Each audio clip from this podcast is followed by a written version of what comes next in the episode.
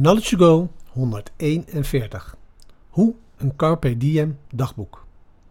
Ik wil het graag met jullie hebben over Robert Emmons en zijn nieuwe methode van het schrijven van een dankbaarheidsdagboek. Dit heb ik in mijn dagelijkse Carpe Diem dagboek geïntegreerd. Ik hou dagelijks een Carpe Diem dagboek bij. Ik leg je uit hoe je dit ook kan doen.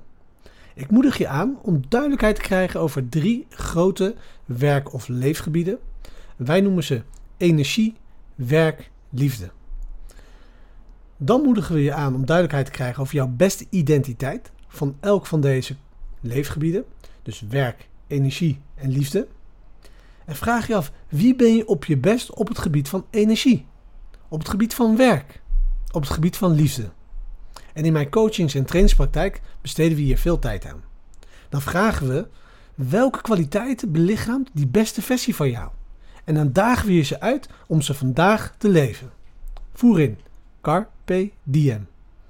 En dat, denken wij, is een belangrijke manier om van theorie naar praktijk naar meesterschap te gaan en het ultieme spel van het leven te winnen. Ik speel nog met een ander Carpe Diem dagboekformaat met daarin dezelfde drie werk-leefgebieden van energie, werk en liefde.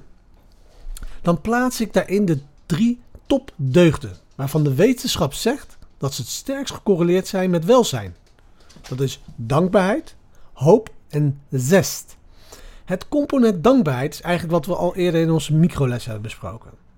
Maar dan nemen we hoop, waarin we een betere toekomst zien die we willen creëren. En zest, waar we de gedisciplineerde actie identificeren die we vandaag zullen ondernemen om die toekomst werkelijkheid te maken.